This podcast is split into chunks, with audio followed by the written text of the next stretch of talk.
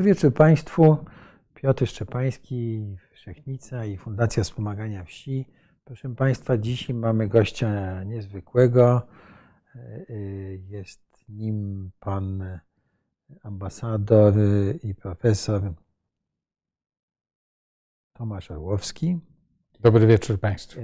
Pan ambasador jest związany z uczelnią Sciences Po we Francji, no uczelnią, która, żeśmy rozmawiali, uczelnią, która, która jest taką uczelnią elit tak. francuskich, tak. prawda, i Akademią imienia Frycza Modrzewskiego, polskiego reformatora w Krakowie.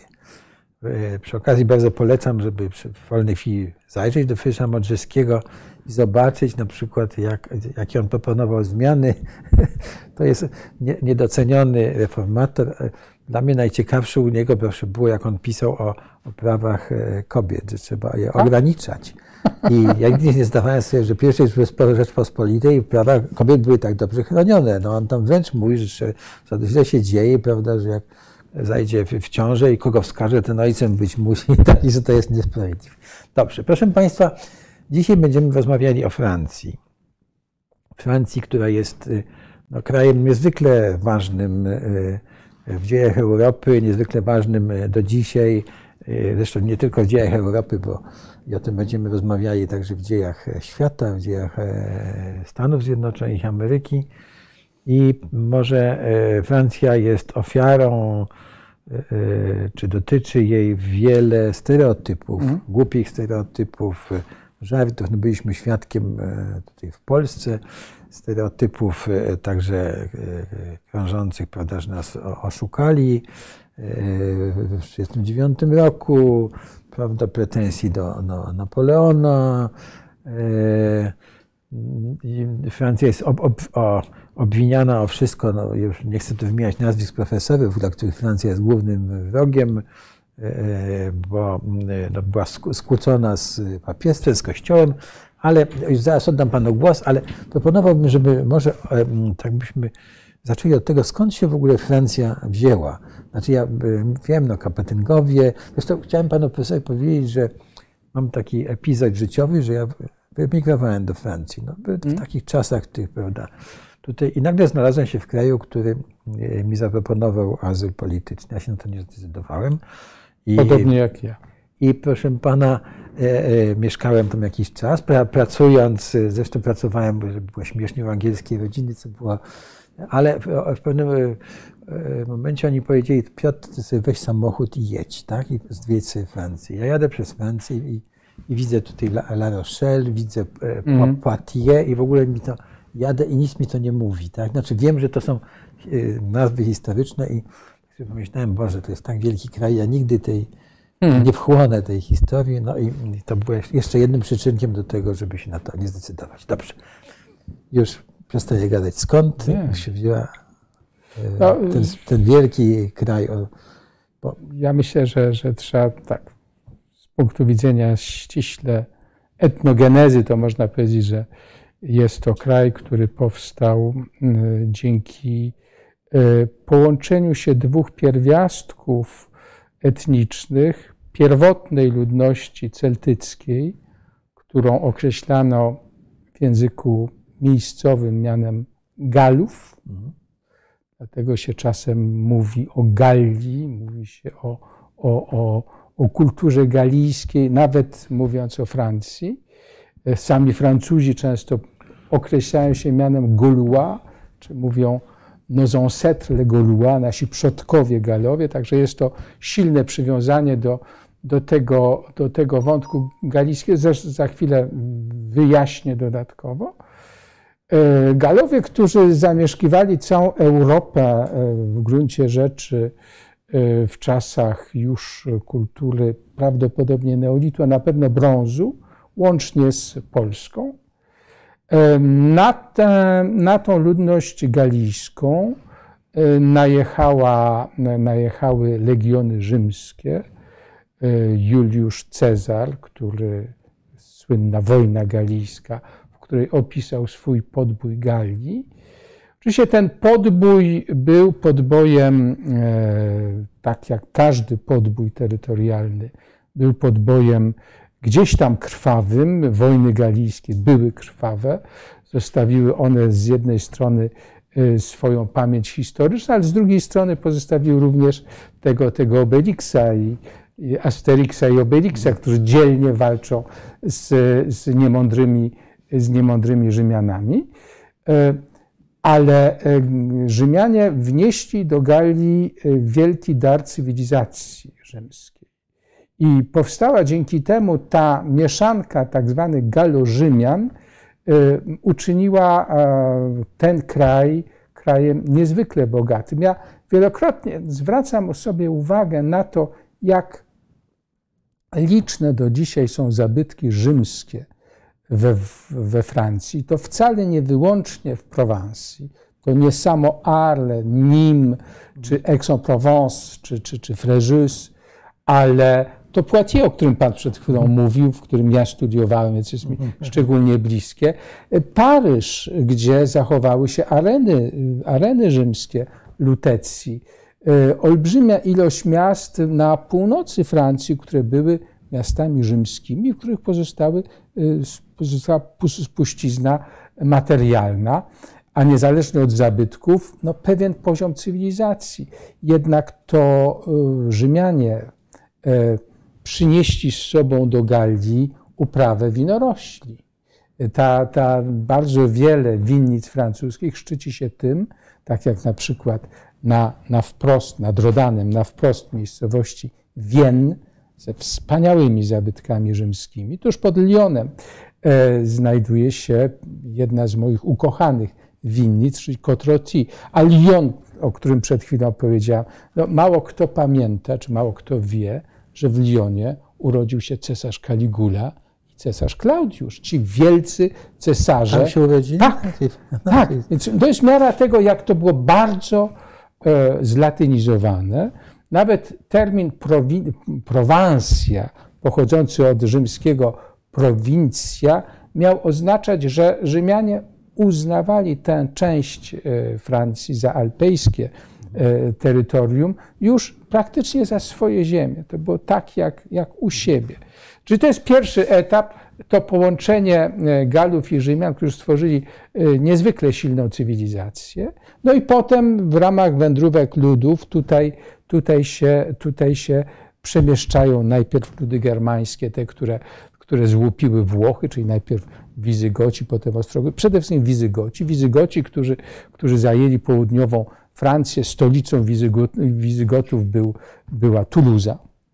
I to w, dawnym, w dawnej rezydencji E, prokonsula rzymskiego rezydował król Wizygotów.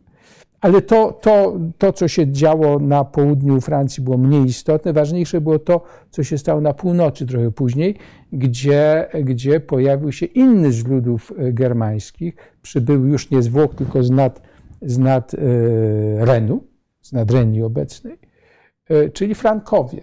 Frankowie, którzy mniej więcej w V wieku po Chrystusie zajęli północną część Francji i e, zaczęli powoli wtapiać się w tą, w tą mieszankę etniczną galo-rzymską, tworząc ostatecznie wspólne państwo.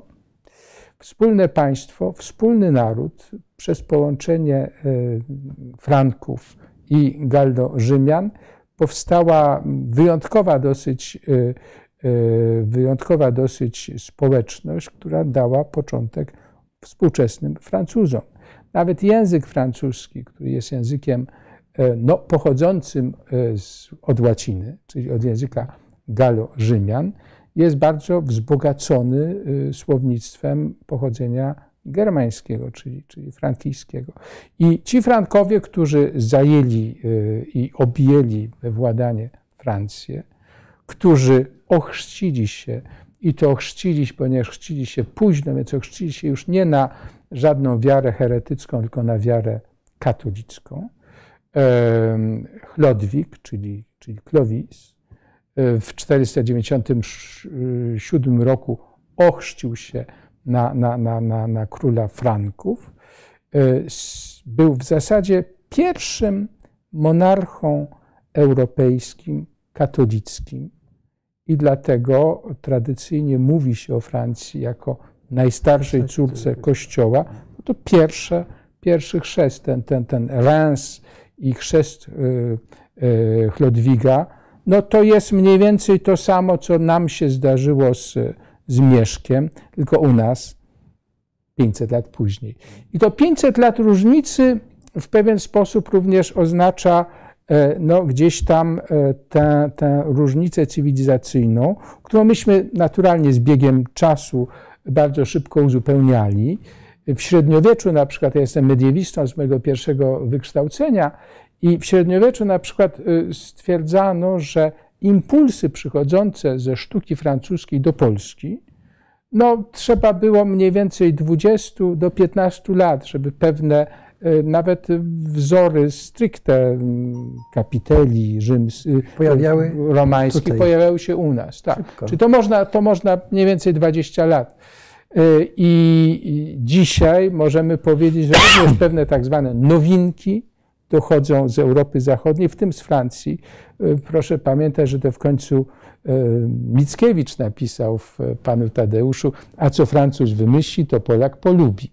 Czyli coś, co przychodziło właśnie z Francji, co notabene jest być może również jedną z przyczyn pewnej niechęci do Francji. Ja myślę, że, że ta niechęć bierze się z jej szczególnego oblicza, mianowicie kolebki oświecenia oświecenia, które było olbrzymim ruchem intelektualnym, który e, zmienił cały świat. Cały świat, to, to nie ma cienia wątpliwości, e, który e, nadał intelektualnemu dochodzeniu prawdy przez człowieka, jako podstawie postępu, postępu cywilizacyjnego, postępu intelektualnego, postępu ideowego, nadał e, absolutne podstawy, ale jednocześnie no, zaczął e, kontestować, podawać wątpliwość prawdy zastane.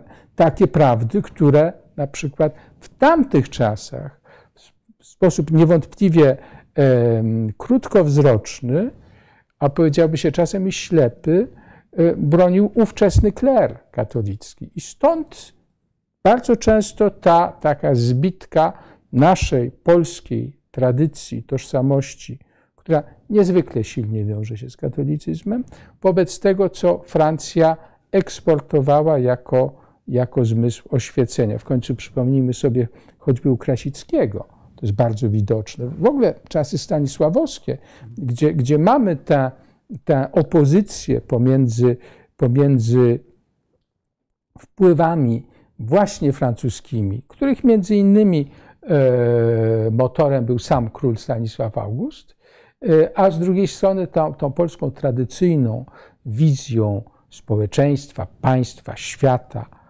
e, złotej wolności, która gdzieś no, zderzyły się z sobą. Z zderzyły się. zderzyły się. Właśnie e, jak się czyta e, z tamtych czasów niektóre opisy Rzeczpospolitej. Proszę Państwa, przerwę na chwilkę. No, mamy tutaj mapkę, którą będziemy pokazywać. Ale wracając, jak się czyta z tamtych, z tamtych czasów te pamiętniki, to że ta Rzeczpospolita nie, nie była dobrze postrzegana, prawda, przez tych no oświeceniowych. No, właśnie, tak, tak, no jednak tak. E, oczywiście częścią tego była tam propaganda, e, nie wiem, dworów, które e, nie były, opłacały, które tak, opłacały ją, tak. Ale, Czyli nasi odwieczni przyjaciele Rosjanie i Niemcy. Tak, tak, no ale jednak, jednak się zderzała się ta, ta, ta zacofana Rzeczpospolita z, z, tymi, z tymi prądami oświeceniowymi, prawda, i no, mieliśmy tego rodzaju przykłady nie tylko u nas. No, w ten sposób podchodzono do Hiszpanii wówczas. Przecież tak samo. Hiszpania była w bardzo tak. podobny sposób przedstawiana. No tak, nawet do, do dzisiaj e... wyświetla tę Hiszpanię jako takie zacofanie z tamtych czasów. Prawda? Tak, ale proszę zwrócić uwagę, jest bardzo ciekawa praca no, jednego z największych polskich historyków, a może takiego pierwszego profesjonalnego historyka znaczeniu słowa, czyli Joachima Lelewela. E, I Joachim Lelewel napisał taką rozprawę niezwykle interesującą o zbieżnościach e, między Polską i Hiszpanią. zbieżnościach rozwojowych. On bardzo śledzi to i w gruncie rzeczy można powiedzieć, że do dzisiejszych czasów można to odnieść nawet łącznie z tym, jak, jak, jak, jak dyktatura w Hiszpanii i komunizm w Polsce opóźnił rozwój tych państw, częściowo zamknął, częściowo oddalił od głównego nurtu europejskiego, jak integracja europejska pozwoliła, szczególnie Hiszpanii, no bo już jest w tej, w tej Unii Europejskiej, jakby nie było 35 e, lat, e, Polska 15, więc to u nas jest e, no już więcej niż 15. Więc no jakby dopiero do tego dochodzimy, ale podobieństwa są.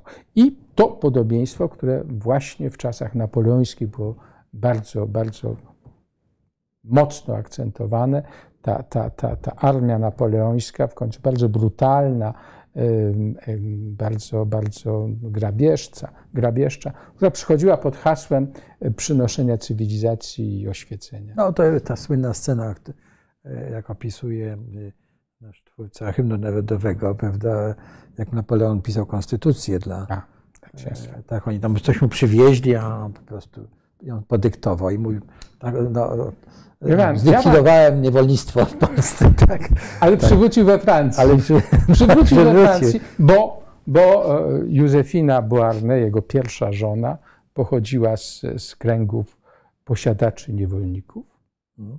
I pod jej wpływem lobby, które reprezentowała, doprowadziła do tego, że we Francji przywrócono niewolnictwo. Napoleon przywrócił niewolnictwo.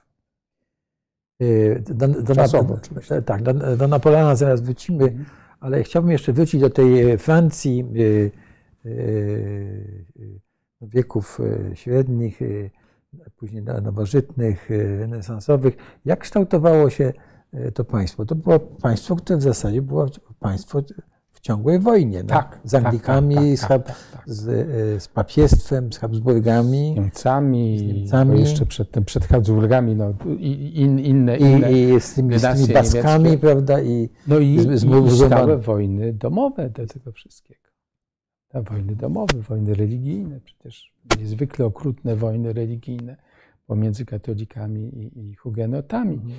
Y, no ale jest, jest coś niezwykle ciekawego.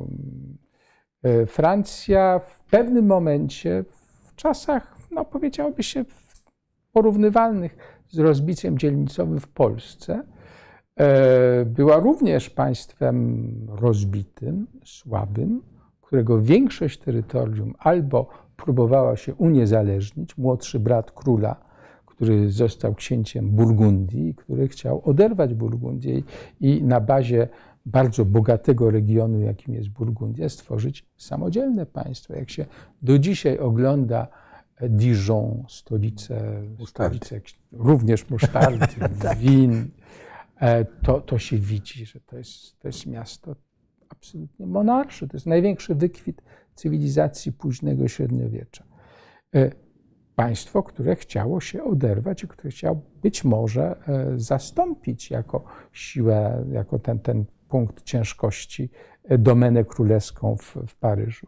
No, mieliśmy, e, mieliśmy Anglików, którzy de facto okupowali dwie trzecie terytorium, terytorium Francji. I co ciekawe, król Anglii zrezygnował z tytułowania się królem Francji dopiero traktatem w Amiens w roku 1801.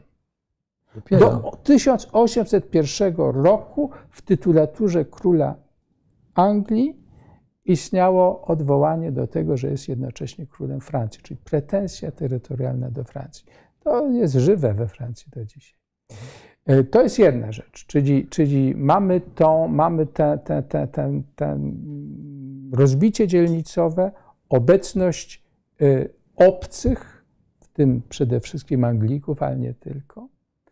I gdzieś zaczyna się proces w wieku, w, czasie wojny stuletniej zresztą, w XV wieku zaczyna się proces e, odwrotny, czyli, czyli, czyli troszkę jak u nas się dzieje w czasach Władysława Łokietka zresztą, e, że e, to, to, to słabe, podzielone państwo zaczyna się łączyć po to, żeby stawić czoła wrogowi zewnętrznemu.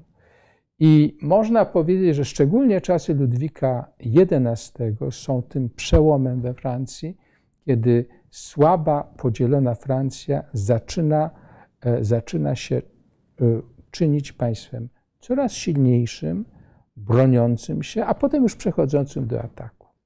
I to małe państwo e, zaczęło iść w kierunku bardzo interesującym osiągnięcia granic naturalnych, czyli oparcia swoich granic na mhm. trudnych do przekroczenia dla obcych armii E, przeszkodach geograficznych, co to znaczy górach i, górach i rzekach. rzekach tak. A zatem na, na wschodzie to jest Ren, e, na południu Alpy, no i oczywiście Morze, morze Śródziemno, Śródziemne, a na zachodzie to są Pireneje. To są Pireneje. Także można powiedzieć, że ten kształt Francji, e, który oni określają mianem heksagonu, czyli, czyli ośmiokąta. Mhm. Tak jak to widzimy tak, mniej właśnie. więcej. Tak. E, otóż ten heksagon w tych granicach ukonstytuował się w czasach Ludwika XIV. Francja uzyskała swoją tożsamość geograficzną i wreszcie tożsamość narodową, silną tożsamość narodową opartą na silnym państwie. To jest fundamentalne. Co to oznacza silne państwo? Znaczy, co to znaczy? Co dwór znaczy królewski, Wersal?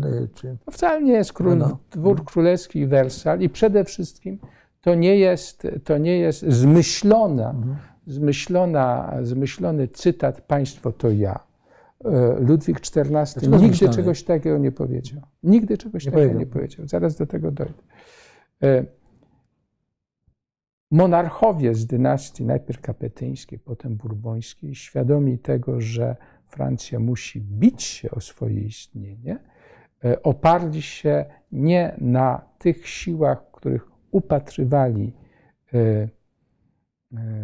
braku lojalności, w tym wielkiej arystokracji, tylko oparli się przede wszystkim na drobnej szlachcie i na mieszczaństwie. W tym na wykształconym mieszczaństwie, które zyskiwało e, stanowiska urzędnicze. W Polsce trzeba sobie przypomnieć, że stanowiska urzędnicze były tytularne. Tak. Były tytularne. Ktoś, kto się nazywał stolnikiem, czy nazywał się podkomorzym, e, nie był do tego stricte przygotowany, mhm. podczas gdy ktoś, kto był, ktoś, kto był e, radcą parlamentu parlament to było określenie y, sądu we Francji, był po prostu prawnikiem. I, I to jest kraj, który został stworzony przez kastę urzędniczą, która dzisiaj cały czas opiera się jakby modernizacji kraju. No ale to jest bardzo ważne. I, i, i proszę zwrócić uwagę na rzecz fundamentalną. Richelieu, ten, ten, ten pierwszy minister E, Ludwika XIII, który w gruncie rzeczy zostawił e, Francję w rękach Ludwika XIV jako państwo już gotowe. E, Ludwik, Richelieu był człowiekiem, był sam eksponentem drobnej szlachty. On był troszkę tak jak Jan Zamojski. Jan Zamojski, czyli rzecznik drobnej szlachty, a nie wielkiej arystokracji, czy w naszym przypadku magnatelli. Jak to no, ale stał się magnatem Zamojski. Tak? No, ale Richelieu też nie, nie, nie skończył jako człowiek biedny, a szczególnie jego tak, rodzina. Tak. Ale chodzi o co innego. Chodzi o to, że on był, on był, e, e, on był reprezentantem tej, tej drobnej szlachty, która służyła interesowi państwa. On zresztą... Świetnie się przygotowywał Zamojski do tej... Tak, tak, tak. tak, tak. Zresztą w Paryżu studiował, zdaje się też. Padwa przede wszystkim. Padwie, dużo ważniejsze, tak, dużo ważniejsze tak. jest, tak, tak. Co więcej, Senat Wenecki zwrócił na niego uwagę. I są depesze ambasadora weneckiego, który, który, e, który e, doradza polskiemu królowi Polski, żeby skorzystać. Słuchaj, tu jest takie, tak, no, tak, tak. Dobrze, ale wróćmy do, do Francji, bo e, tak. Zamojski jest postacią bardzo ciekawą. I... Więc silne państwo. Silne hmm. państwo, to, to silne państwo, ja zawsze na to patrzę z olbrzymim zainteresowaniem, dlatego że. Czyli silne to, państwo to, to stworzone pozwala... przez urzędników Tak. wykształconych, tak? E, Urzędnicy pochodzą z, e, z, z, mie- z Mieszczaństwa albo, albo drobnej szlachty. albo drobnej szlachty. I- i- zupełnie, no, chyba i zupełnie inaczej niż u Tak, nas, zupełnie inaczej niż u nas. I co więcej, bardzo szybko we Francji zaczyna się rozdzielać interes władcy od interesu państwa. Coś, na co ludzie nie zwracają uwagi. Coś, co na przykład jest fundamentalną różnicą w odniesieniu do Habsburgów. Habsburgowie zainteres- są zainteresowani powodzeniem własnej dynastii, własnej rodziny, promowaniem No swojej tak, rodziny. małżeństwa. Tak, Tak. tak. tak, tak. E, słynne, słynne. em, Du Felix Austria tak, tak i tak jest. dalej, rozbijaj. E, Otóż, otóż e, właśnie Richelieu jest, jest klasycznym przykładem i to, to historia, historia i Francji, historia dyplomacji tego nas uczy. Człowiekiem, który zaczął rozumieć, że interes Francji jest niezależny od interesu na przykład władcy. Że interes Francji jest niezależny od interesu Kościoła powszechnego. Coś, co w Polsce byłoby nie do przyjęcia. I dlatego, będąc, y, będąc kardynałem Kościoła e, katolickiego, e, w czasie wojny 30-letniej, która przeciwstawiła niemieckich protestantów niemieckim katolikom, poparł protestantów, dlatego że uznał, że dla Francji będzie lepiej mieć słabych Habsburgów, czyli słabą władzę katolicką w Niemczech, bo dzięki temu Francja będzie bardziej bezpieczna. Proszę zwrócić uwagę, on jednocześnie ciemiężył we Francji protestantów, czyli hugenotów, a wspierał ich za granicą, dlatego że zrozumiał, że interes państwa to jest coś, co trwa dłużej niż jego osobiste losy. I do tego na tym chcę skończyć, bo właśnie to zupełnie fałszywie e, przypisywane Ludwikowi XIV hasło brzmiało zupełnie inaczej. Brzmiało, Ludwik XIV umierając miał powiedzieć, władcy odchodzą, a państwo trwa. To jest, to jest ten fundament Francji. Czyli ten, Władcy odchodzą, ja odejdę, a- państwo ten, będzie wielki, trwało. ten wielki król, tak, który no, e, e, stworzył, to nie wiem, Akademię Francuską i tak dalej, bo to, chyba to on, prawda? Tak. Tak, to znaczy mnie umierając powie, e, powiedział ten, tak, taki Akademia testament. francuska jest też niezwykle, to jej fundatorem był sam Richelieu, który potem króla poprosił o wzięcie w protektorat. Notabene do dzisiaj protektorem Akademii Francuskiej jest głowa państwa, A. czyli prezydent republiki formalnie jest protektorem Akademii. Prezydent republiki przyjmuje każdego akademika na audiencji prywatnej na dzień przed jego oficjalnym wyborem, tak żeby, żeby ogłoszeniem, czyli to jest cały czas rytuał. obecne. Tak. Otóż e, to jest rzecz niezwykle istotna.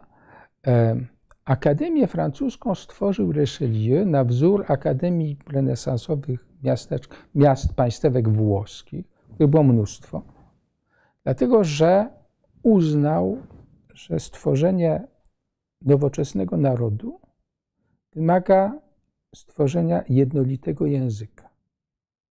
Czyli postanowił e, ograniczyć różnice wynikające z historycznej różnorodności dialektów na rzecz jednego narzuconego oficjalnego języka. I Akademia Francuska jako jedyne zajęcie do dzisiaj ma e, prowadzenie słownika poprawnej francuszczyzny. To jest jedyne zadanie statutowe Akademii opracowywanie słownika języka francuskiego. Które słowo wprowadzić do francuskiego, a którego nie używać w języku francuskim. To nie chodzi o samą czystość języka.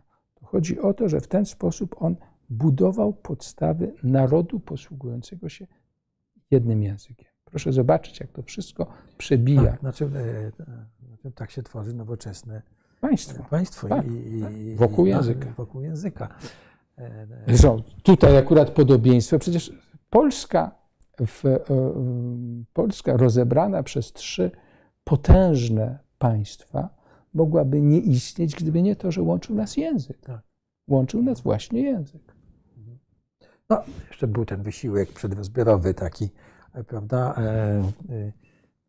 edukacyjny, prawda, tak. i tak dalej. A to wszystko mówimy o edukacji, tak, język tak, jest tak, też. Tak, język I, i, i język Ale jest... chciałbym pana zapytać jeszcze o, jak się kształtowały interesy strategiczne Francji z tamtych czasów, bo rozumiem, że one, co wspomnieliśmy, prawda, że Francja ma być bezpieczna.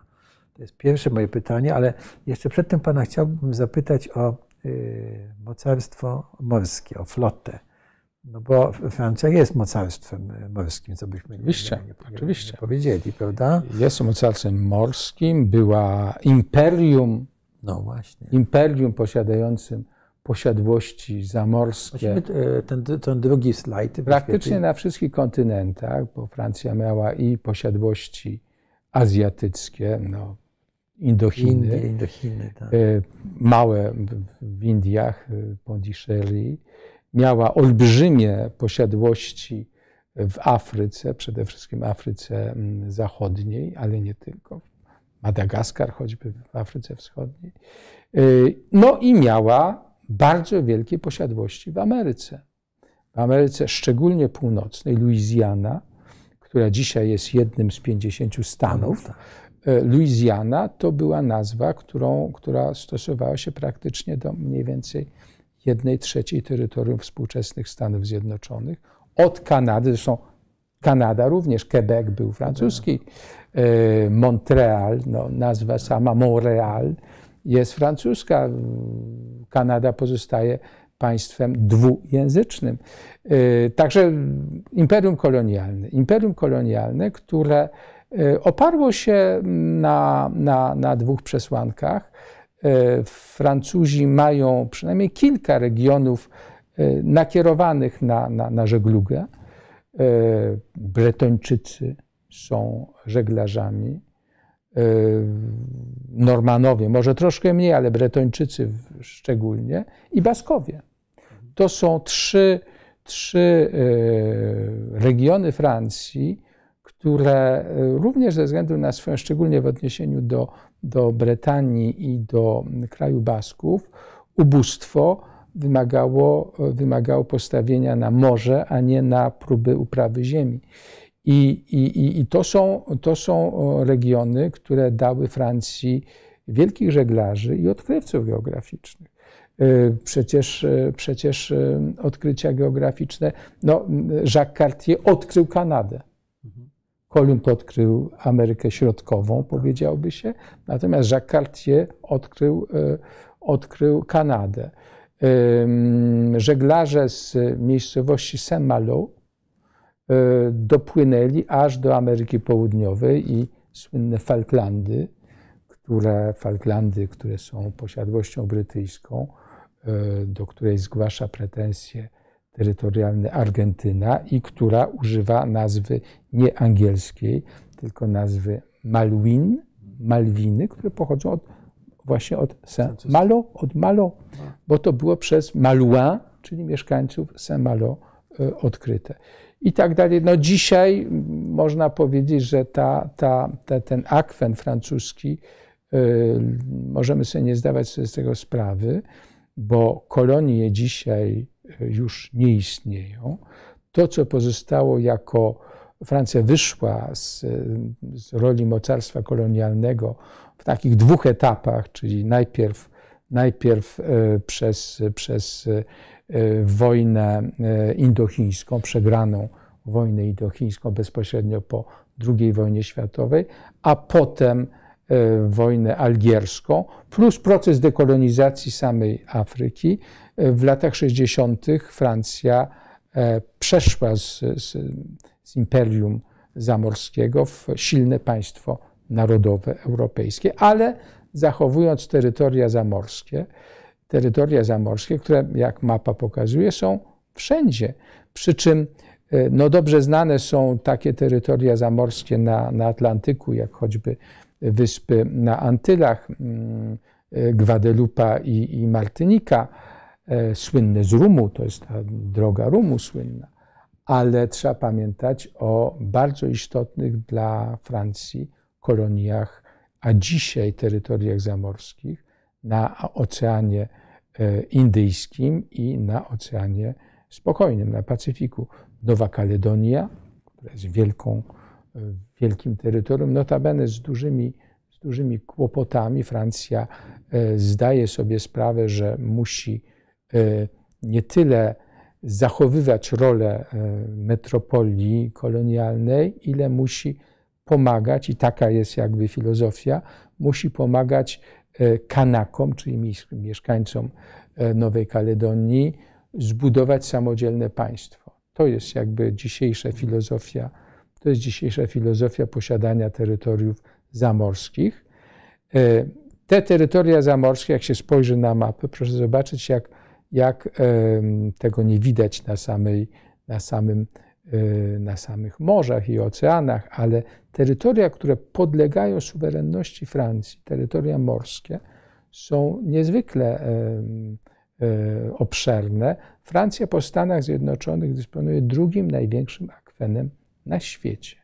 Jeżeli mówimy, że dysponuje akwenem, to znaczy mówimy o tych terytoriach, stref, o wodach, o wodach, o wodach które, są które strefami. mają, zostały, zostały y, uznane międzynarodowo za przynależne, przynależne do Francji i których kontrolę sprawuje Francja, których no. musi choćby y, zagwarantować bezpieczeństwo.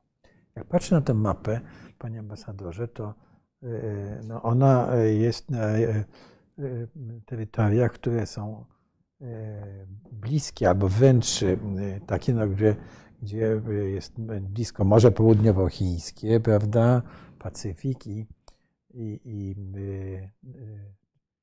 aż się nasuwa pytanie, jak, jest, jak to się stało, że na przykład Francja została poza tym układem AUKUS, tak? Czy, tak. Prawdopodobnie to był, znaczy są dwie możliwości. Mhm. Jedna to jakby niedocenienie zainteresowania Francji przez Stany Zjednoczone, niedocenienie tego, że Francja e, utożsamia się z tym, z tym regionem, mhm. E, jest faktem, że przez długi czas Francja nie definiowała swojej obecności e, na Oceanie Indyjskim i, i Spokojnym jako, jako priorytetu swojej polityki zagranicznej. E, wszystko się zmienia. Dzisiaj, dzisiaj wiemy, że punkt ciężkości świata przenosi się z Atlantyku na Ocean Spokojny, a coraz bardziej również indyjski. E, można powiedzieć również, że Ocean Indyjski jest niezwykle ważny ze względu na e, dynamiczne ożywienie się szlaków morskich łączących Chiny tak. z Europą.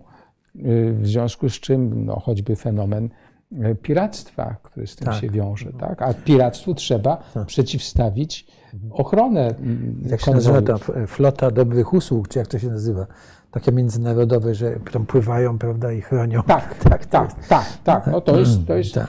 to, jest, to jest zresztą misja europejska. Y, czyli pierwsza rzecz, możliwe, że, e, że Stany Zjednoczone nie dostrzegły zainteresowania Francji tym regionem świata. Francja zresztą musi dokonywać wyborów, i to jest jeden z jej problemów, że nie zawsze potrafi dokonywać wyborów tego, co jest, co powinno być jej priorytetem, a z czego powinna sobie pozwolić, żeby zrezygnować. Geniusz de Gaulle'a polegał na tym, że on wiedział, kiedy trzeba zrezygnować. Stąd na przykład jego, jego wyjście z Algierii to jest decyzja bardzo. No, to była decyzja podjęta no, wbrew. No, nie mogli mu tego wybaczyć. Tak, tak to jest. No, Ale to była, to, była, to była decyzja po pierwsze słuszna, a po drugie bardzo mądrze e, przeprowadzona.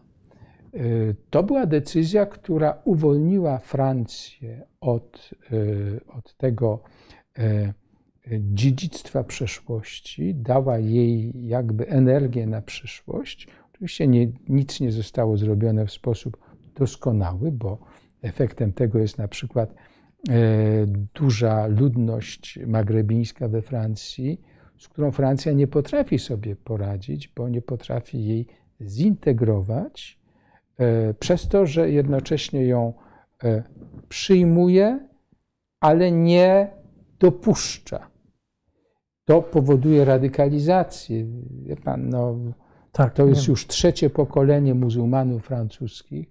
Pierwsze pokolenie to byli ludzie, którzy, którzy nigdy by się nie ośmielili zamanifestować czegokolwiek przeciwko Francji. Drugie to było pokolenie e, rozchwiane, młodzi, którzy chcieli e, jakby żyć jak Francuzi, na co społeczeństwo francuskie nie dawało przyzwolenia. I trzecie, które jest pokoleniem już zradykalizowanym, Bo które szuka zbunt, buntuje się. Tak? buntuje się i Buntuje. szuka wzorców, niestety, bardzo często w radykalizmie islamskim. Y, Także, także to, to, to jest taka reakcja, nie chcecie nas, no to my Tak. wracamy, no absolutnie tak. gdzieś, gdzieś... No nie, właśnie nie wracamy, Znaczy, nie wracamy w tym sensie, że gdzieś musimy być, tak? ale chcą gdzieś, być tu Tak. ze swoją wiarą. Czyli, Tak.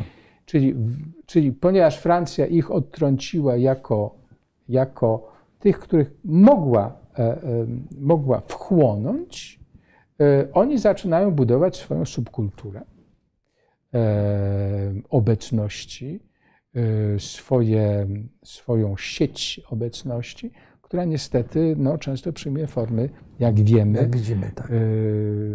no, niechęci do, do, do Francji, do władzy, do, do istoty Francji i są problemy z tym. Czas płynie bardzo szybko. To wróćmy do Europy, dobrze? Bo zapytałem Pana o te y, cele strategiczne. To już, to już no, no, jest, pomijmy już te relacje francusko-amerykańskie ze Stanami Zjednoczonymi, które są ciekawe bardzo, bo przecież y, one były kiedyś bliskie, potem chyba się jakoś to rozeszło, ale, ale po, po, Znaczy, w dwóch słowach, bo to, to Właśnie, jest warte, to, to jest trzeba warte, o tym tak, powiedzieć. to Trzeba pamiętać, że, że być może e, Stany Zjednoczone nie powstałyby, gdyby nie, e, gdyby nie e, fundamentalne poparcie Francji dla powstańców, dla rewolucji amerykańskiej. Francja tak zainwestowała w poparcie dla, dla Waszyngtona i dla tak, zwanych, tak zwanej rewolucji amerykańskiej. Powiedziałbym, że czasem żartuję, że można by to porównać bez mała do poparcia, jakiego udziela obecnie Ameryka Ukrainie przeciwko Rosji. Czyli y, tak, y, tak y, niezwykle e, intensywna pomoc wojskowa, finansowa, którą Francja użyczyła, e, użyczyła młodej Republice Amerykańskiej, dlatego że e, Amerykanie, wyzwalając się spod, e, spod jarzma brytyjskiego, jednocześnie osłabiali śmiertelnego wroga e, Anglii, Francji, jakim jest Anglia. I była to też taka proxy war, tak jak dzisiaj się mówi o, niektórzy mówią o wojnie na Ukrainie, czyli cudzymi rękami załatwianie swoich A interesów. kiedy to się zepsuło? Problem polega na tym, że Francja, żeby wesprzeć Amerykanów, tak potwornie się zadłużyła, że skończyło się taką biedą, takim kryzysem, że z tego była rewolucja francuska. Mhm.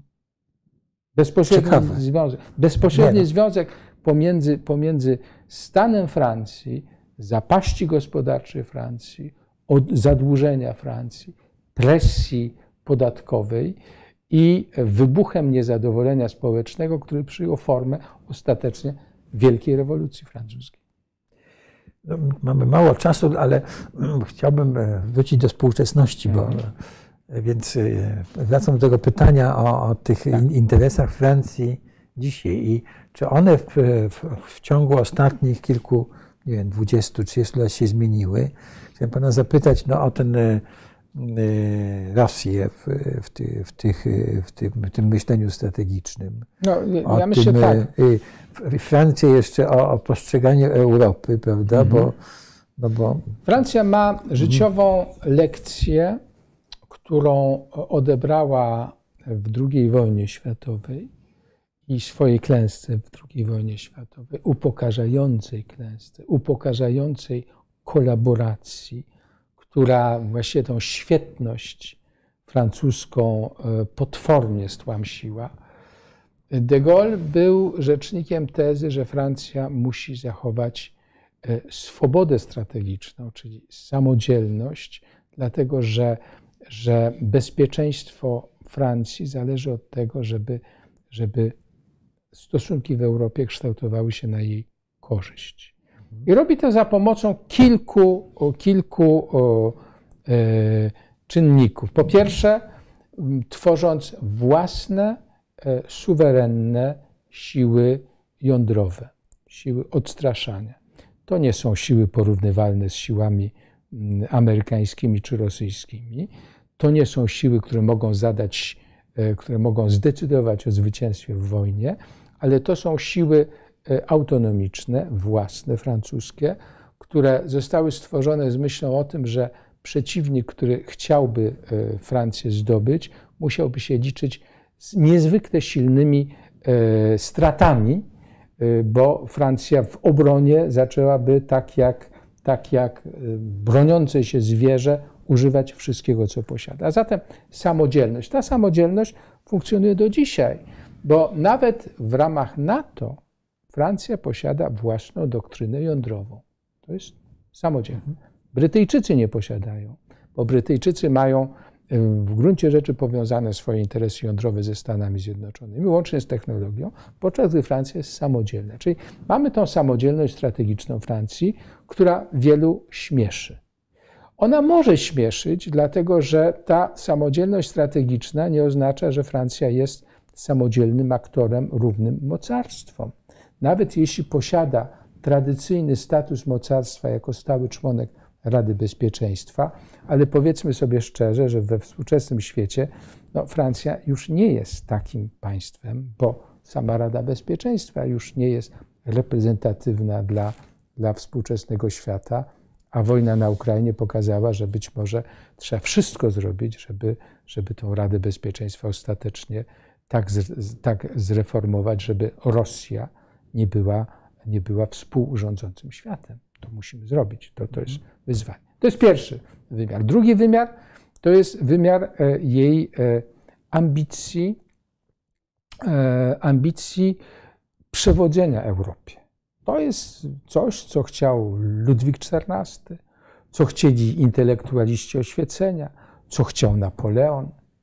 I w pewien sposób chciał również de Gaulle. De Gaulle, który na przykład z tego powodu kategorycznie sprzeciwiał się przystąpieniu Wielkiej Brytanii do Europejskiej Wspólnoty Gospodarczej. Z perspektywy czasu można powiedzieć, nie mylił się. Mhm. E, to jest ten, ten element, o którym pewno jeszcze będziemy chwilę mówili, bo on będzie determinował francuską politykę europejską, w tym pojednanie z Niemcami, rzecz, której nie wolno zapominać, rzecz, której nie wolno lekceważyć, bo dla nas to jest wielka lekcja, z której myśmy przynajmniej w części skorzystali. Jak można w ciągu jednego pokolenia, które znało wojnę, znało przemoc, znało okrucieństwo, znało okupację, przejść z pozycji zwycięzcy zwyciężonego do pozycji wybaczającego w imię przyszłości. Ja to w oczach tego wielkiego kola mhm, z tym tak. malutkim Mitterrandem, tak, jak, tak. jak właściwie stąd trzymają się za ręce. Tak to... jest Verdun, ale proszę, no. proszę sobie przypomnieć, że, że ten sam kol w tych swoich wielkich ramionach w ten sam sposób objął Mazowieckiego. Tadeusza Mazowieckiego. Tak. Czyli to, to, to podobieństwo losów jest, jest ewidentne.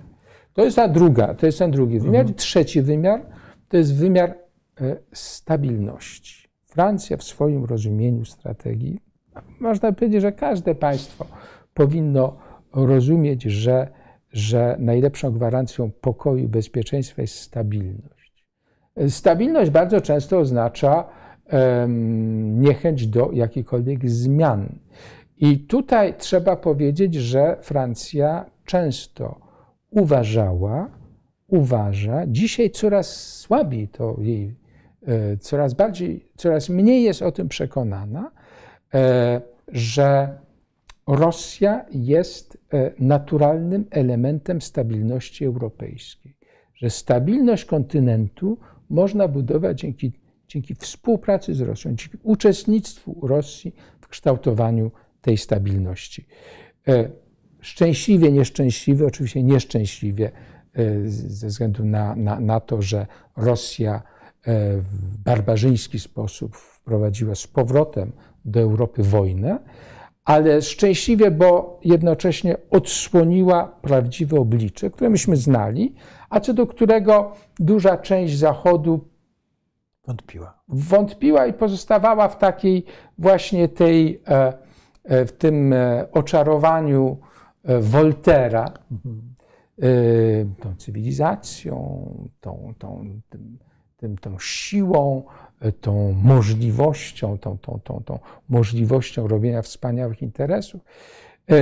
Dzisiaj ta droga jest coraz bardziej podana w wątpliwość i nie mam cienia wątpliwości, że, że mm, wyjście z wojny, mm, przyjmuję, że zwycięskie dla Ukrainy, będzie się wiązało z tym, że stabilność europejską trzeba będzie budować w inny sposób. I Francja już zaczyna to również rozumieć.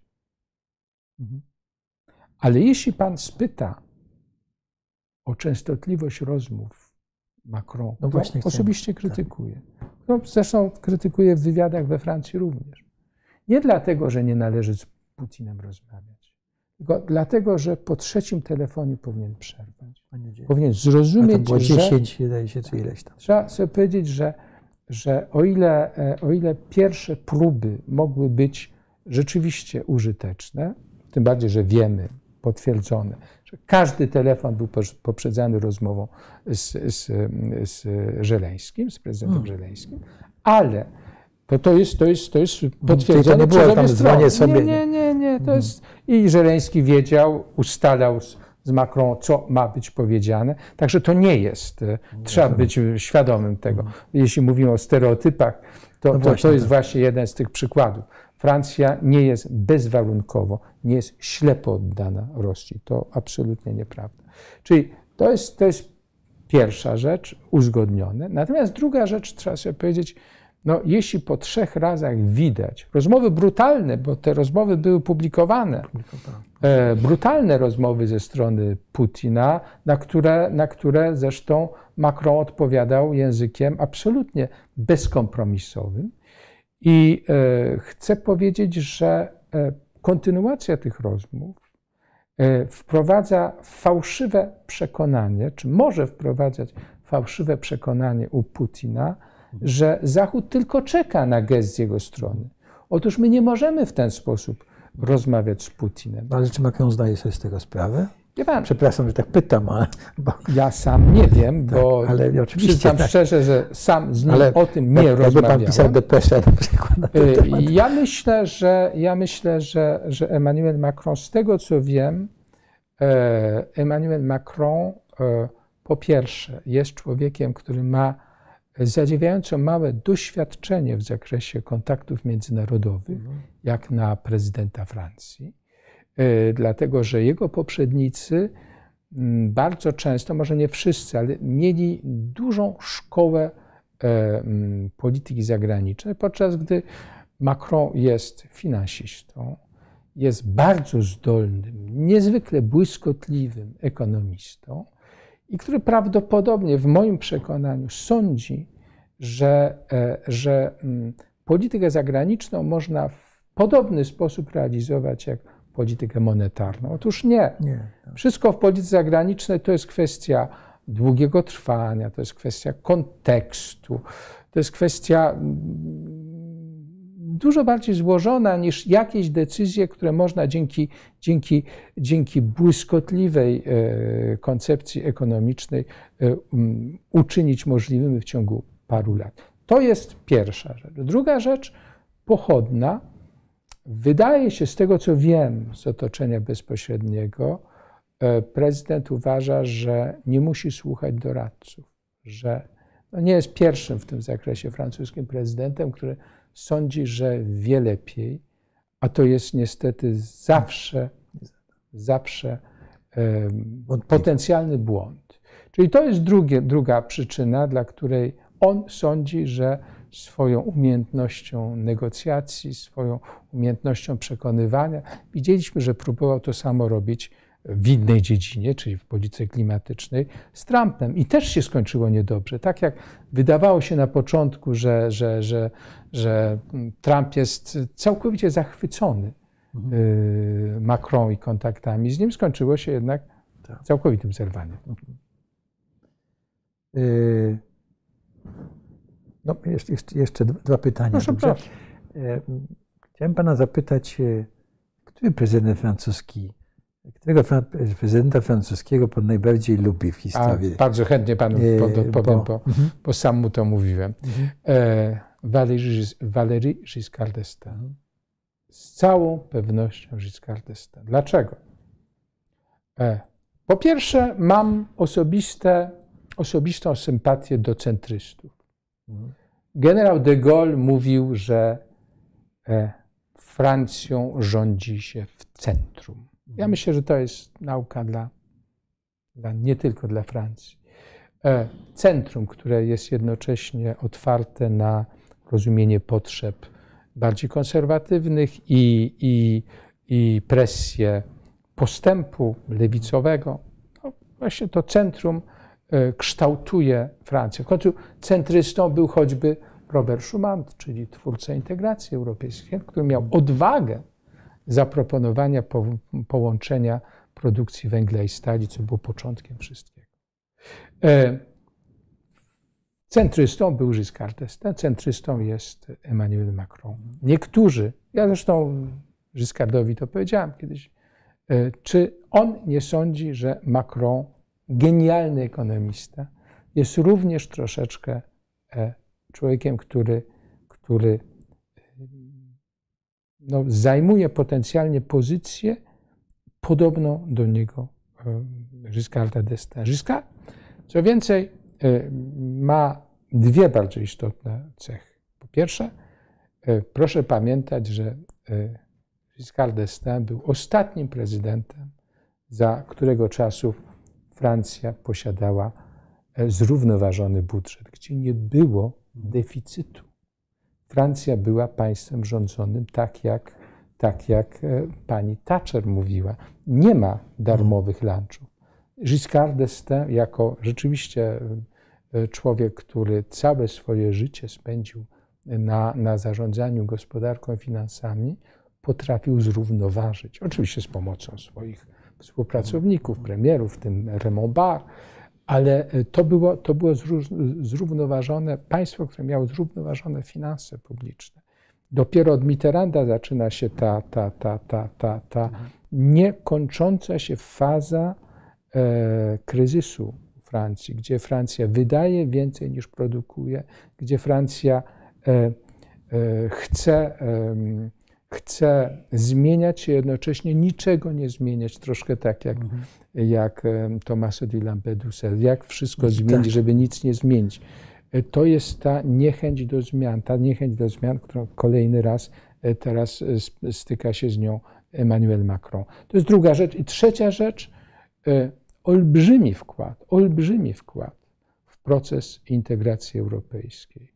E, W gruncie rzeczy to czasy Giscarda są tymi czasami fundamentalnymi dla nadania takich impulsów integracji europejskiej, że z e, wyłącznie wspólnego rynku, czyli Unii Celnej, na której, e, na której panują swobody przemieszczania osób, kapitałów, usług i, i towarów, zaczyna się tworzyć coś, co jest zintegrowane. To są czasy Giscarda. Giscard jest twórcą zresztą rozmaitych, genialnych formuł współpracy międzynarodowej, nie tylko w europejskiej, ale i globalnej, bo to Giscard wymyślił G7, czyli Hmm. odpowiedzialność państw najbardziej uprzemysłowionych i to nie tylko Zachodu, bo również e, Japonia, wtedy powstaje ten, dzięki niemu powstaje koncepcja Komisji Trójstronnej, czyli, czyli dialogu trójstronnego, Ameryka, Europa, Europa Zachodnia i Japonia, ale tworzy G7 jako płaszczyznę zastanawiania się, jak najsilniejsze gospodarki świata mogą wpływać na zmiany, zmiany polityczne. To jest przykład tego, jak ekonomista może rozumieć politykę, może prowadzić politykę zagraniczną, no i może z tego powodu dla mnie być moim zdecydowanie ulubionym Ulubionym. prezydentem. Muszę powiedzieć, że rozmowy z Giscardem, które miałem zaszczyt mieć to regularnie, on mnie albo zapraszał do siebie i miałem takie półtorej godziny z nim rozm mhm. rozmów, albo, albo do nas przychodził. Yy, muszę powiedzieć, że, że, że to jest postać do końca fascynująca. To ciekawe, bo ja na przykład mam ogromną, ale to już nieważne, co ja mam. No, mówi się nie, oczywiście o prezydencie Pompidou jako tak. Wybitnym prezydencie, który nie dał się do końca poznać, bo, bo śmiertelna choroba przerwała jego, mhm. jego, jego prezydenturę. No. Ale ja powiem o Zyskach. Dobrze, to ostatnie już y, pytanie, zagadnienie o y, postrzeganie Polski. Y, bo już o, Ukrainę nie pytam, no bo e, rozumiem, że e, można sobie sięgnąć, zobaczyć tą wypowiedź prezydenta Macrona w Waszyngtonie, gdzie on mhm. właśnie zdefiniował, prawda, że Ukraina. Znaczy, to jest dynamiczne, wie pan. Tak. Rok temu, w marcu zeszłego roku, pamiętam, e, miałem wywiad w tym Europe mhm. jedno z trzech największych E, radiostacji francuskich i spytał mnie prowadzący, proszę pana, czy, czy Ukraina to jest naród? Wie pan, e, we Francji to było bardzo żywe pytanie. Bardzo wielu polityków uznawało, że, że Ukraina to jest region. To jest, to jest jednostka tak jak land niemiecki, czy, no. czy stan amerykański, czy na przykład taki taka prowincja Quebec, być mhm. może z jakąś odrębnością, ale należąca. Ja wtedy powiedziałem, no, mówię, pan, jeśli ktoś mógł mieć wątpliwości co do tego, czy, czy Ukraina jest narodem, to tych wątpliwości musi się pozbyć dzisiaj, kiedy widzi, jak Ukraińcy bronią swojego państwa, tym samym dowodząc, że są narodem. I myślę, że Francuzi właśnie tę lekcję odrobili w ciągu tego roku i dzisiaj już nie mają cienia wątpliwości, że Ukraina jest narodem, że posiada państwo, e, że będzie odgrywała jakąś rolę w polityce europejskiej i że po wojnie na Ukrainie e, nic w Europie już nie będzie takie samo jak przed nią. Czyli większe jakby zainteresowanie Europą Środkową i Wschodnią, którego dotąd Francja nie przejawiała. Nie przejawiała z dwóch powodów. Po pierwsze, z przekonania o swojej doskonałości, która jest niestety we Francji jedną z tych cech, która najbardziej odpycha ludzi od Francuzów, ale to też trzeba powiedzieć. Ktoś powiedział taki dowcip: e, Pan Bóg stworzył świat, Ziemię. Powoli w ciągu tygodnia e, organizuje, e, rozdziela morze od kontynentu, potem na, na, na, na tej buduje, buduje góry, wzniesienia, doliny, rzeki. E, potem to, to patrzy na tą Francję, którą stworzył i my to jest zbyt doskonałe. I zasiedla ją Francuzami. Tak. I to jest kwintesencja tego, co można powiedzieć o Francji. Ktoś kiedyś powiedział, e, kocham Francję, nienawidzę Francuzów.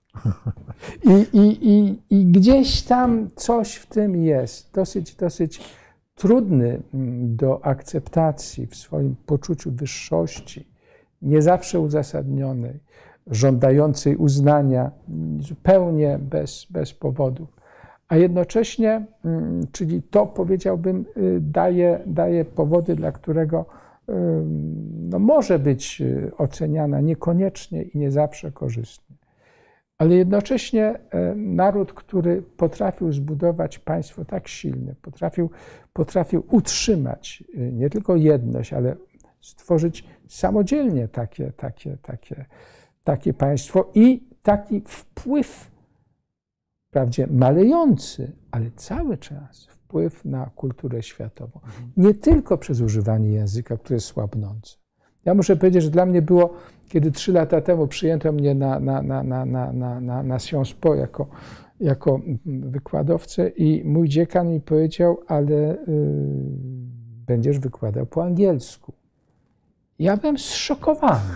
Byłem zszokowany, bo te lata walki o prymat francuskiego, mm, on powiedział, musimy się rozwijać, musimy się otwierać. Dzięki temu nasza uczelnia jest dzisiaj notowana między najlepszymi na świecie, dlatego że już nie jest tylko francuską. We współczesnym świecie nie można się zamykać. Jeśli się ma ambicje odegrania jakiejś roli, trzeba się otwierać. I to jest ta Francja, której przychodzi to z trudem, bo zbudowała taką tożsamość, tak silną, tak skoncentrowaną, e, że dzisiaj no, musi akceptować, ale ja widzę, że ona to robi. Przychodzi to jest z trudnością, przychodzi jej to z czasem, ale zaczyna coraz bardziej rozumieć, że, że świat nie ogranicza się do, do, do, do heksagon, że e, świat nie ogranicza się do Europy i że jeśli chcemy w nim funkcjonować, oczywiście musimy zachować siłę, w tym dlatego to, to oczekiwanie silnej Europy, ale musimy wszystko relatywizować. Musimy uwzględniać, że są nowi aktorzy, są nowe mocarstwa, są nowe, e, nowe kręgi kulturowe czy cywilizacyjne. Proces trwa. Tak, tak. Długie trwanie Brodela, tak? Absolutnie, absolutnie, absolutnie. Ale proszę pamiętać, że pierwszym krajem, który uznał, pierwszym krajem zachodnim, który uznał Chiny ludowe, czyli komunistyczne, to była Francja. To była Francja. No tutaj też ktoś może powiedzieć, że de Gaulle też uznał szybko e, PKWN, prawda? To jest, No nie, właśnie. to jest, No to to- jest, to już będzie ostatnia otóż, w takim otóż to jest, e, to To, jest, czy to jest legenda, czy... e, to jest sprawa, która już została przebadana przez polskich badaczy w ciągu ostatnich Mhm. 20 lat. De Gaulle rzeczywiście przysłał do Francji, do Polski swojego przedstawiciela dyplomatycznego, który był zresztą wybitny jego późniejszy współpracownik Christian Fouché. Ten Fouché, który był twórcą na polecenie de Gaulle'a tak zwanego planu Fouché integracji europejskiej. E, Christian Fouché, który przyjeżdżał do Polski, wysłany przez de Gaulle'a i de Gaulle powiedział mu, proszę pamiętać, pan nie jedzie na ambasadora. Pan nie będzie nosił fraka, kapelusza i szpady, tylko pan jedzie załatwiać wyzwolenie francuskich jeńców z obozów po II wojnie. Większość jeńców e, francuskich znajdowała się w oflagach czy stalagach na terytorium Polski. I po to I był pewnie byli też jacyś jeńcy w sowieckiej niewoli. No tak, ale tutaj dlatego, tak. dlatego do Polski No przysłał, tak, bo to flag... bo, bo, bo potrzebował, potrzebował swojej obecności, żeby pomagać Francuzom szybko wrócić do kraju. To było uznanie, to nie było uznanie dyplomatyczne stricte. E, Notabene to jest kwestia raptem dwóch miesięcy w stosunku do tego, co, co zrobiły Stany Zjednoczone i i Wielka Brytania, które zostały przymuszone przez Mołotowa. E, De Gaulle zresztą był troszkę zakładnikiem sceny wewnętrznej, gdzie francuska partia komunistyczna po II wojnie światowej była nie tylko silna, ale przede wszystkim była uznawana za, ten, za tę siłę, która podczas wojny e, no, zidentyfikowała się z ruchem oporu i walczyła ramię w ramię z golistami, tak jak choćby w Tak. czasie powstania paryskiego, przeciwko Niemcom.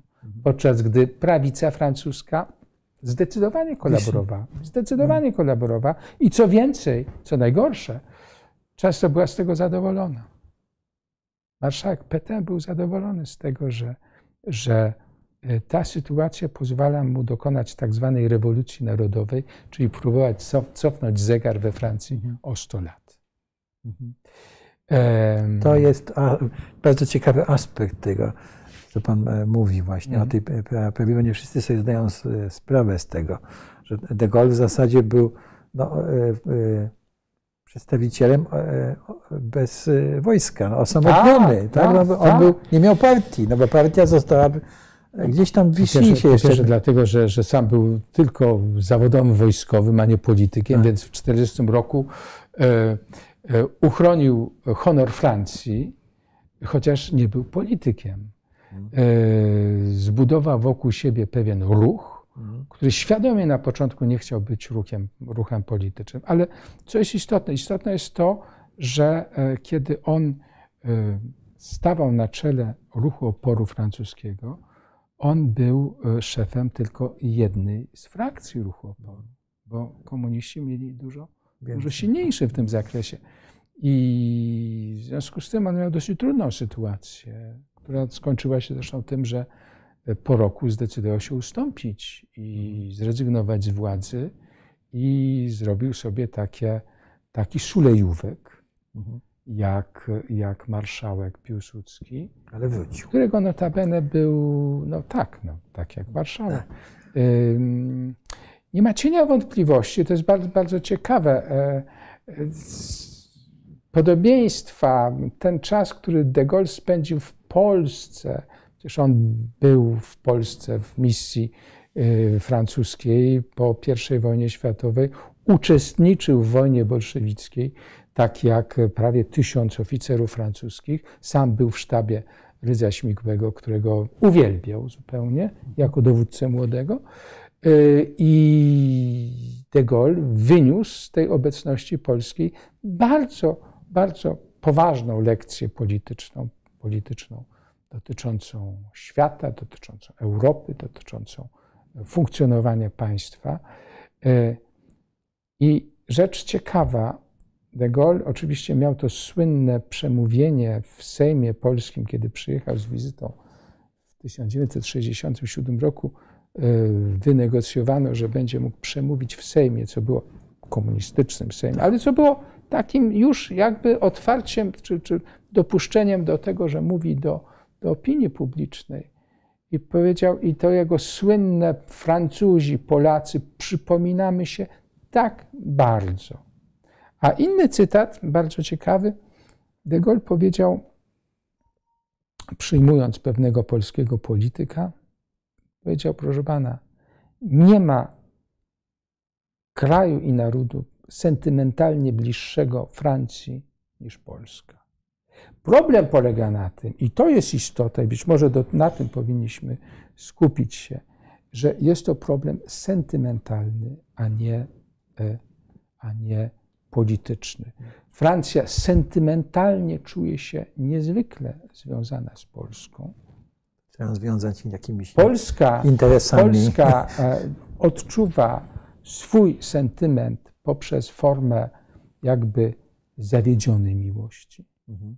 bo obietnice nie zostały spełnione.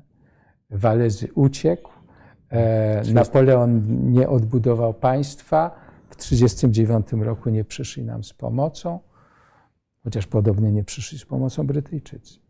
Ale e, chodzi o to, że w Polsce gdzieś tam pokutuje cały czas ten, ten mit bliskości Francji, ten mit, który w XIX wieku ktoś takim pięknym powiedzeniem e, określił: Bóg jest za wysoko, Francja za daleko. Dlatego Polska żyje w niewoli, bo Bóg jest za wysoko, a Francja za daleko, żeby nam pomóc. Y, Ta odległość, która oczywiście utrudniała, ale która oznaczała, że interes polityczny w Polsce dla Francji był bardzo ograniczony. Bardzo ograniczony. I to zderzenie bliskości sentymentalnej z brakiem bezpośredniego interesu politycznego jest kwintesencją naszych, naszych stosunków dwustronnych. My oczekujemy więcej od Francji, niż Francja gotowa jest nam dać przy całej wzajemnej sympatii. Ale to nie może jakby y, konsumować sympatii, bo, no bo jeśli nie ma w nim interesu, to No, trzeba budować te interesy. Stąd, Tak. stąd na przykład ja bardzo źle zniosłem odrzucenie tej, tego dealu y, o Krakale. Na przykład. Naturalnie. No przecież to były... naturalnie. To, było, tak, no, to jest, po pierwsze, po pierwsze No, to- umowy powinny być przestrzegane, bo inaczej to źle świadczy o państwie.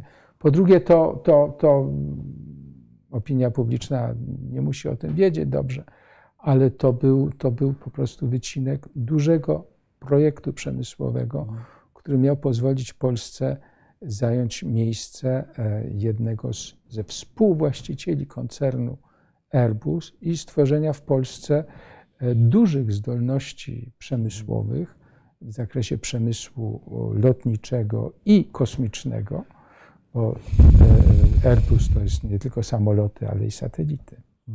No, jak pan to mówi, to jest jeszcze bardziej mi przykro. Panie ambasadorze, e, tak przeciągnęliśmy ten czas. Bardzo panu dziękuję. Dziękuję. To było również. oczywiście no, takie muśnięcie tego problemu i, i opowieści o tym niezwykle ciekawym i ważnym kraju. Mam nadzieję, że pan się jeszcze kiedyś da namówić. Przyjemnością. Dobrze, bo jeszcze e, chciałbym pana namówić na Włochy, ale jeszcze, po, no jeszcze, jeszcze raz o Francji. Bo, Tak, myślę, że to po prostu tylko. e, za mało, żeśmy powiedzieli. Proszę Państwa, bardzo przepraszamy, że nie, nie możemy odpowiedzieć na pytanie. Dzisiaj mamy, e, czas był trochę ograniczony, no ale rozumiem, że może uda nam się po, powtórzyć jeszcze, by i, i w takim razie wrócimy. Oczywiście tu padają pytania o Wietnam, o, o, e, o zmarnowane szanse, o De Gaulle'a i tak dalej, no ale rozumiem, że to już nie, e, nie dzisiaj. Ale to, co widzę tutaj pana Adama, Tak. e, opinię, ja ją dosłownie w takim sam sposób wyrażam. Rzeczywiście Tak. zmarnował szansę. Zresztą to żeby- jest, e, rozumiem, taka Zgadzam się z tym. troszkę powie, jak gdyby odwrócenie tego, tak, co nam tak, powiedział tak. kiedyś e, chyba Chirac. Chirac, Chirac, tak, Chirac, tak. tak. tak. Dobrze. E, Proszę Dziękuję Państwa, bardzo dziękujemy. Państwu bardzo, że Państwo byli z nami. Panie ambasadorze, jeszcze raz dziękuję. No, to było dla mnie niezwykle ciekawe. Wiem, że dla naszych widzów również, także Cieszę się. dobrze. Do, dobranoc Dziękuję Państwu, dziękujemy bardzo. Dobranoc Dziękuję bardzo.